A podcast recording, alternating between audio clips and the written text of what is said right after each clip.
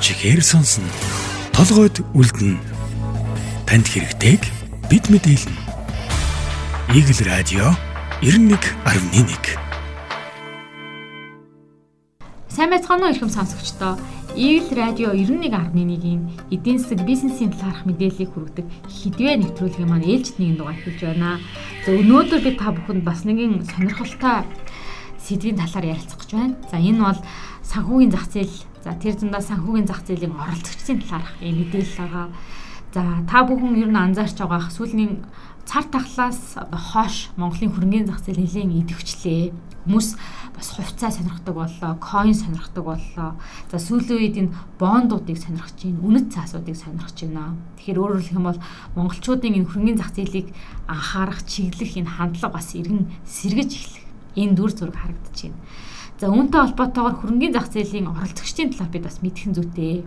Та бүхэн үнэт цасны компани гэдэг ойлголттой байна. Брокер, дилер.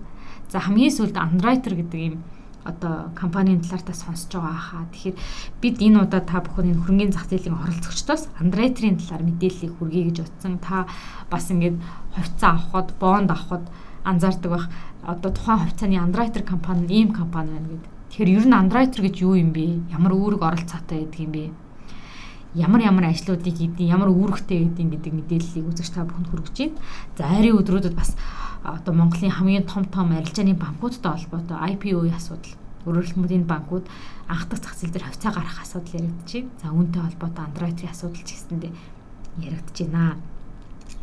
За Android гэдэг мэдээллийг хүргэхийн тулд ер нь энэ юу юм бэ гэдгийг хүргэх зүйтэй. Тэгэхээр санхүүгийн судлаачдын тайлбарлаж байгаа бол Android гэдэг бол зуучлагч гэдэг нэгдүгээр тийм тухайн одоо үнэт цаас гаргаж байгаа талыг хөрөнгө оруулж байгаа буюу одоо хувьсаа худалдаа авах талтай холбож байгаа энэ холбогчийг энэ зуучлагчийг бол андрайтра гэж нэрлэж байгаа.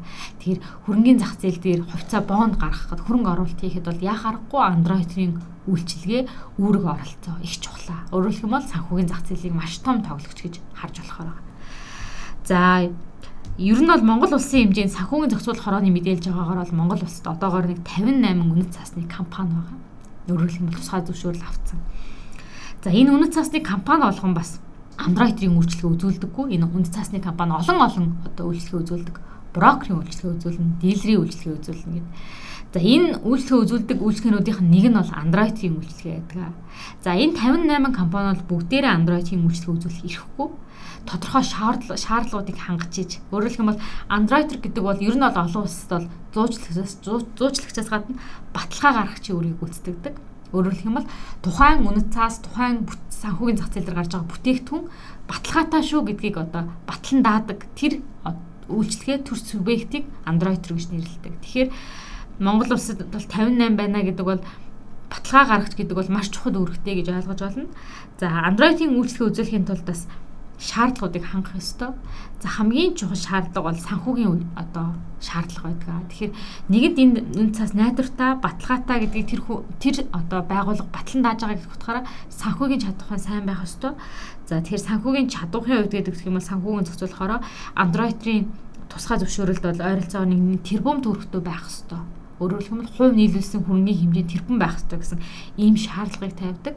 За мөн тухайн үнэс засны компани одоо мэдлэг туршлагын хувьд хүний нөөцийн хувьд ч гэсэндээ маш сайн чадвартай байх хэрэгтэй. Энийн шалгууруудыг хангасан тохиолдолд та Android-ийн үйлчлэгээ үзүүлэх боломжтой. За энэ үйлчлэгийг одоо энэ шаардлагыг хангасан одоо Android-ийн үйлчлэгээ үзүүлэх эрхтэй үнэт цаасны компаниудын тоо Монгол улсад 20 гаруй байна гэсэн ийм мэдээллийг бас санхүүгийн зохицуулах хорооноос харж болохоор байна. За энэ Android компаниуд бүгдээрээ ер нь бол одоо Android-ийн үйлчлэгээ үзүүлдэг. За эдгээрээс ер нь идэвхтэй ажилтдаг бас компаниуд цөөнгөө байна. Тэгэхээр Lemon Press гэдэг одоо мэрэгсэн юм хөрөнгөний зах зээлийн сайт байдаг. Энэ сайт сүүлийн 5 жилийн хугацаанд Монгол улсад одоо өнөг гарсан санхүүгийн зах зээлийн шинэ бүтээгдэхүүнүүд бонд, үнэт цаас, хөрөнгөөр баталгаажсан одоо бонд гэх мэт энэ бондуудын нийт дөнгөнд харьцуулж үзээд за энэ бондуудад ер нь ямар ямар андроид руу хамгийн их Android-ийн үйлчлэгээ үзүүлэлтийг гаргасан ийм судалгаа тайм шинжилгээний нийтлэл гаргасан байсан. За энэ нийтлэлээс зүтгэд бол сүүлийн 5 жилийн хугацаанд Монгол улсад нээлттэй хэлбэрээр 24 санхүүгийн бүтээгдэхүүн үнэт цас бонд гарсан байна. За энэ 24 санхүүгийн бүтээгдэхүүнд нийтдээ 10 Android Android-ийн үйлчлэгийг үзүүлсэн байна. За үн 10 Android-роос хамгийн олон санхүүгийн бүтээгдэхүүнд үйлчлэгээ үзүүлсэн компаниудыг харах юм бол Ulzi and Co Capital компани 6 санхүүгийн одоо бүтээгдэхүүнд бол Android-ийн үйлчлэгээ үзүүлсэн байна. За мөн Голомт Capital, BDC компани, Invescore Capital, Apex Capital гэсэн энэ 5 компани бол хамгийн олон санхүүгийн бүтээгдэхүүнд бол Android-ийн үйлчлэгээ үзүүлсэн гэж Lemon Tree сайт урьдсан байсан. За ер нь бол энэ бол нөгөө санхүүгийн бүтээгдэхүүний тоогоор навж үзэж байна. За тэгвэл хамгийн их мөнгийг, хамгийн их бондыг ер нь ямар үнэт цаасыг одоо ямар Android-аар гаргасан бэ гэдгийг бас судалж үзсэн байсан.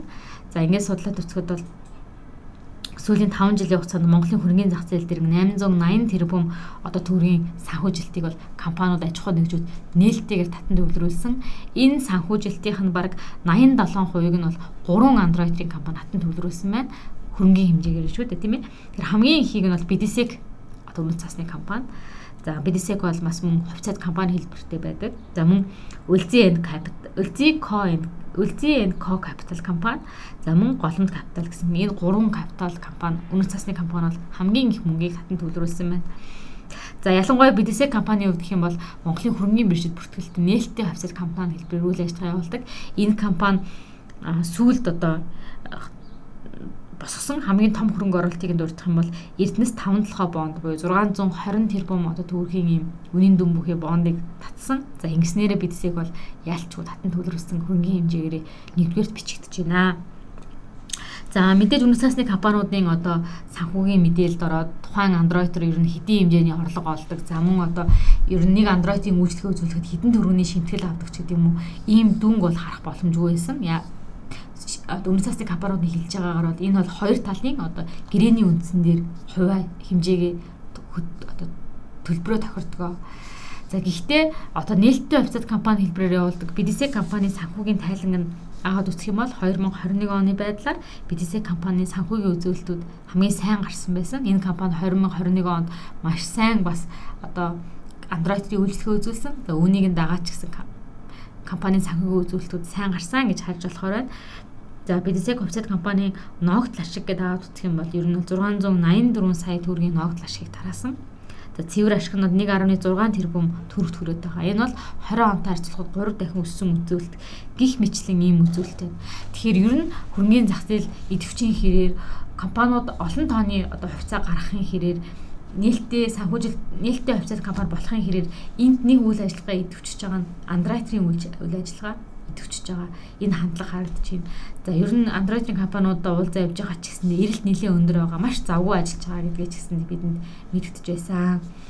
За Android-ор бол ийм байгууллага за эдийн засгийн одоо энэ хөрөнгөний зах зээлийн өсөлтийг дагаад сайжрах энэ хандлага харагдаж байна гэж харж болохоор за бүх юм гэхдээ сайн байна уу гэвэл бас үгүй Олон улсад бол Android-ийн байгууллага гэдэг бол одоо зуучлагч гэхээсээ илүү баталгаа гаргах үүрэг гүйцэтгэдэг гэдгийг бол санхүүгийн салбарынхан бидэнд хэлж ирсэн. Өөрөөр хэлэх юм бол эхлээд за А компани аль нэг одоо компани ингээд одоо үнэт цаас гаргалаа гэж бодъё. Түүнийг нь болохоор Android руу өөрөө одоо нөгөө мөнгөөр бүх өөрийнхөө хөрөнгөөр худалдаж авдаг.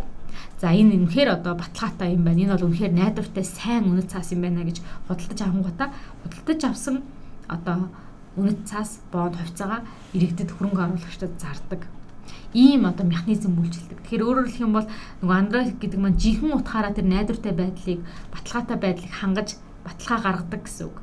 Жинхэнэ утгаараа олон улсад бол ингэж ажилладаг ийм механизм үйлчилдэг. За Монгол улсын хувьд бол өнөөдөр манай Монголын Android-рууд бол бас яг өөрийнхөө хөрөнгөөр үнэт цаас худалдаж аваад хүнийг иргэдэд бол зарахгүй байгаа.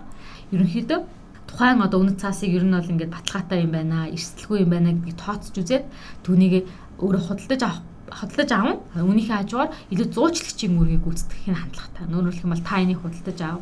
Энэ бонд ийм юм байна. Энэ хөрөнгө оруулалт ийм юм байна гэд танилцуулах үүргийг одоохондоо гүйцэтгэж байна. Тэгэхээр цаашдаа Монголын хөрөнгөний зах зээл сэргий гэж байгаа бол энэ Android-ор ч гэсэндээ илүү олон улсын жишгт хүрэх ёстой. За хүрхийн тулд Android-ууд өөрийн гэсэн маш сайн санхүүгийн их усүртэй байх шаардлагатай. Android руу өөрөө хүчтэй хүчтэй байж өөрөө одоо хөрөнгөний хэмжээнд том одоо тэлжиж өөрөө эдийн засгийн хувьд санхүүгийн хувьд чадхтай байж жинхэнэ утгаараа баталгаа гаргах өөрхийг гүйцэтгэх боломж бүрдэгтний. За мэдээж үүнд бол цаг хугацаа хэрэгтэй. Монгол улсад нээлттэй хөрөнгөний зах зээл хөгжөөд тийм ч удаагүй. Гэтэл Америк нэгдсэн улсад бол хөрөнгөний зах зээл одоо энэ бусад санхүүгийн Лондонд ч тэр Америкт ч тэр Их Британи гэдэг энэ санхүүгийн зах зээл өндөр хөгжсөн орнуудад бол маш олон 100 жил болж байгаа. За Монгол улсад бол нөгөө ойролцоогоор 30 жилийн түүхтэй 30 гаруй жил. Тэгэхээр энд бол мэдээ цаг хугацаа хэрэгтэй. Гэхдээ одоо хөрөнгөний зах зээл Android-ийн үйлчлэгээ бол цаашдаа хийх шаардлагатай ажлууд өсөх хөгжих ёстой зүйлүүд байна уу гэвэл тийм гэдгийг харж болох байна. За энэ удаад би та бүхэнд Android гэдэг компани үйлчлэхний талаарх мэдээллийг хүргэлээ цаашдаа бид бас яг энэ хөрөнгөний зах зээлийн оролцогчтой холбоотой мэдээллийг бас ингэ хүргээд явах болно. Хөрөнгөний зах зээл хувьцаа, coin гэдэг энэ зах зээл өөрөө идэвхжийн хэрээр бас энэ талаарх мэдээлэл иргэдэд чухал байдаг.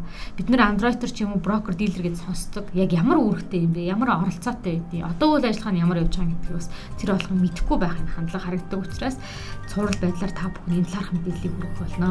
Ингээд бидэнтэй хамт байсанд маш их баярлалаа.